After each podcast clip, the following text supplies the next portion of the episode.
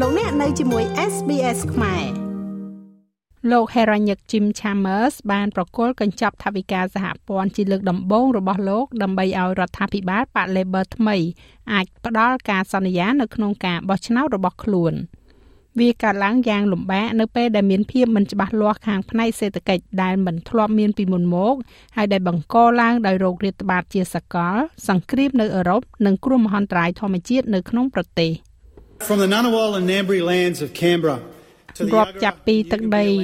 Nunawal និង Ngambri នៅ Canberra រហូតដល់ទឹកដី Yaraga និង Yagambi នៃ Logan និងជុំវិញប្រទេសអូស្ត្រាលី យើងសូមទទួលស្គាល់ប្រទេស ហើយយើងបញ្ញាចំពោះសម្លេងសម្រាប់ប្រជាជនជនជាតិដើមដំបូងរបស់យើង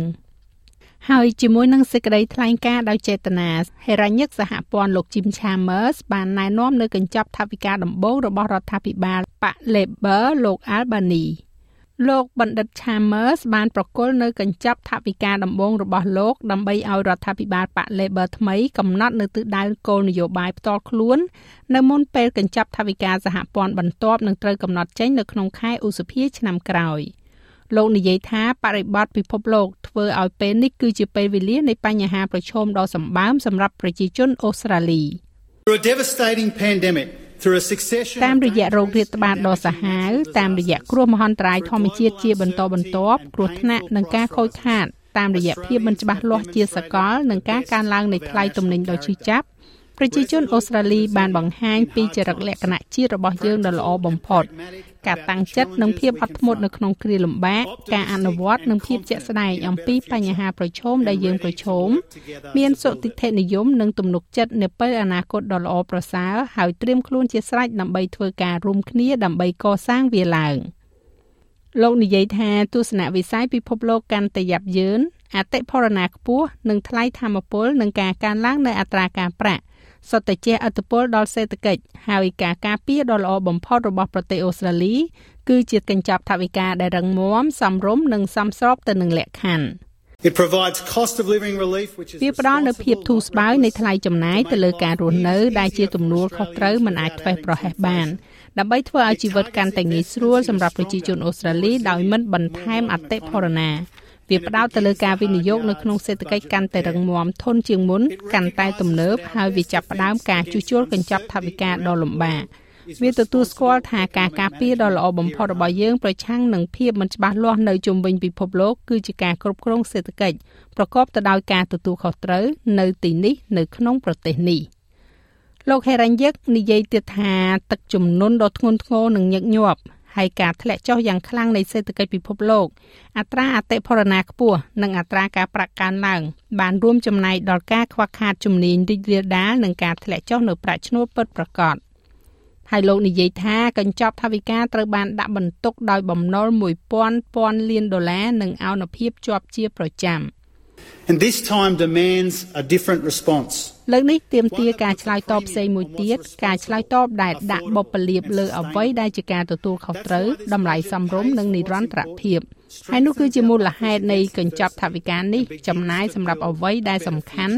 ពង្រឹងការទប់ទល់របស់យើងប្រឆាំងទៅនឹងភាពមិនអនុគ្រោះហើយចាប់ផ្ដើមកសាងអនាគតដ៏ល្អប្រសើរ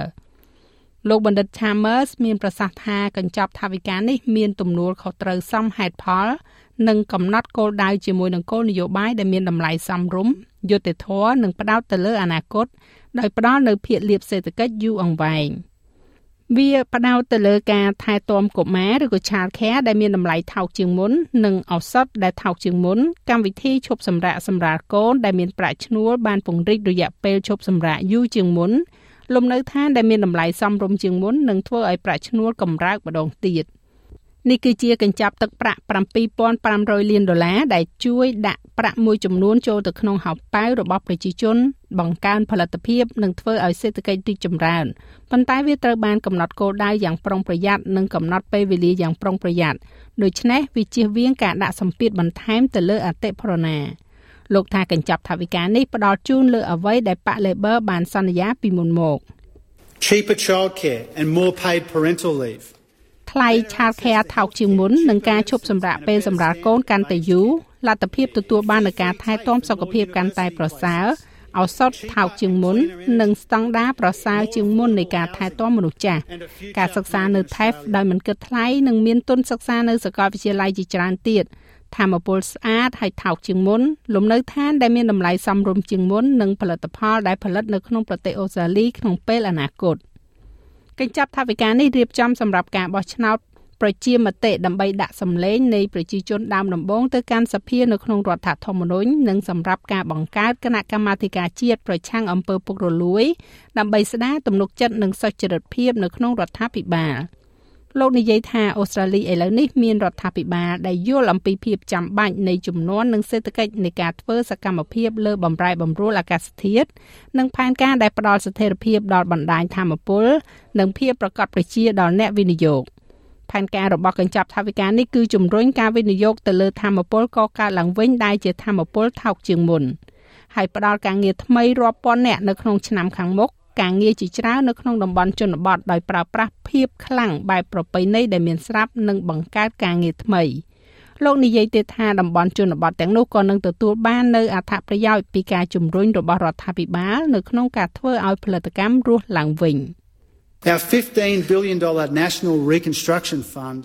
មូលនិធិកសាងជាតិចំនួន15,000លានដុល្លាររបស់យើងនឹងជួយគម្រោងហិរញ្ញវត្ថុដែលពង្រីកឧស្សាហកម្មមូលដ្ឋានរបស់យើងធ្វើឲ្យសេដ្ឋកិច្ចរបស់យើងមានភាពចម្រុះបង្កើតការងារប្រកបដោយនិរន្តរភាពប្រាក់ខែល្អនិងពង្រីកមជ្ឈមណ្ឌលក្នុងតំបន់ជនបទរបស់យើង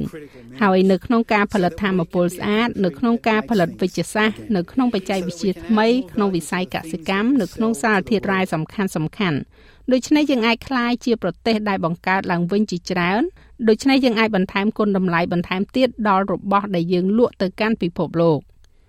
លោកបណ្ឌិត Chalmers មានប្រសាសន៍ថាកញ្ចប់ថវិកានេះក៏ផ្ដោតទៅលើការកសាងនៅអ្វីដែលត្រូវការជាចាំបាច់ដូចជាហេដ្ឋារចនាសម្ព័ន្ធដឹកជញ្ជូនសេវាអ៊ីនធឺណិត NBN ដែលកាន់តែប្រសើរឡើងដល់មនុស្សកាន់តែច្រើននិងការពង្រឹងសេវាទូរស័ព្ទចល័តនៅក្នុងតំបន់ជនបទតំបន់ដាច់ស្រយាលនិងតំបន់ងាយរងគ្រោះដោយគ្រោះមហន្តរាយធម្មជាតិរដ្ឋាភិបាលជាតិនិយាយថាផែនការរបស់រដ្ឋាភិបាលគឺសម្រាប់ការគ្រប់គ្រងថវិកាប្រកបដោយការទទួលខុសត្រូវ។ លោកថាអនុភាពសម្រាប់ឆ្នាំ2022-2023ឥឡូវនេះត្រូវបានគេព្យាករណ៍ថាមានចំនួន36,900លានដុល្លារដែលប្រសើរឡើងជាងមុនដែលកាលមុនមានចំនួន41,100លានដុល្លារប៉ុន្តែលោកនិយាយថាការកើនឡើងនៃប្រាក់ចំណូលដែលបានមកពីអត្រានៃអ្នកមានការងារធ្វើខ្ពស់និងតម្លៃទំនិញឡើងខ្ពស់គឺគ្រាន់តែជារឿងបណ្ដោះអាសន្នតែប៉ុណ្ណោះ។ លោកបានចង្អុលបង្ហាញថាសម្ពាធទៅលើការចំណាយលើកញ្ចប់ថវិកានេះត្រូវបានគេព្យាករណ៍ថានឹងកើនឡើងហើយកើនឡើងទៀតដូច្នេះថវិកានេះត្រូវតែកំណត់កំណើននៃការចំណាយជាពិសេសខណៈពេលដែលអតិផរណាមានកម្រិតខ្ពស់វាត្រូវតែត្រឡប់មកវិញនៅការកើនឡើងនៅប្រាក់ចំណូលតាមដែលអាចធ្វើទៅបានទៅកាន់បន្ទាត់បាតខាងក្រោមហើយវាត្រូវតែផ្ដោតទៅលើការចំណាយថ្មីលើការវិនិយោគដែលបង្កើនសមត្ថភាពសេដ្ឋកិច្ច ហើយទាំងនេះលោកនិយាយថាកញ្ចប់ថវិកានេះអាចធ្វើទៅបាន Australians know that there are hard days to come ប្រជាជនអូស្ត្រាលីដឹងថាមានថ្ងៃដ៏លំបាកមកដល់ហើយការសម្រេចចិត្តពិបាកពិបាកដើម្បីធ្វើជាមួយនឹងពួកគេការឆ្លងកាត់រយៈពេលនេះរងមាំជាងមុននឹងពឹងផ្អែកទៅលើចរិតលក្ខណៈដ៏ល្អបំផុតរបស់យើង ភាពធន់របស់យើង ភាពជាក់ស្ដែងរបស់យើងកិច្ចសហប្រតិបត្តិការនិងទំនុកចិត្តរបស់យើងហើយសំខាន់បំផុតនោះគឺជំនឿរបស់យើងចំពោះគ្នាទៅវិញទៅមកហើយវាពឹងផ្អែកទៅលើរដ្ឋាភិបាលដែលខិតខំប្រឹងប្រែងនឹងការបដិញ្ញាចិត្តដើម្បីប្រឈមមុខទៅនឹងបញ្ហាដែលមិនត្រូវបានគេអើពើអស់ពេលជាយូរមកហើយនឹងចាប់យកឱកាសដែលនឹងមិនរងចាំទៀតទេ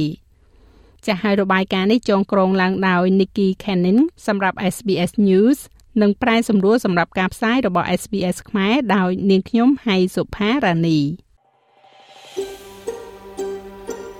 ចង់ស្ដាប់រឿងក្រៅបែបនេះបន្ថែមទៀតទេ ស្ដាប់នៅលើ Apple Podcast Google Podcast Spotify ឬកម្មវិធីដទៃទៀតដែលលោកអ្នកមាន។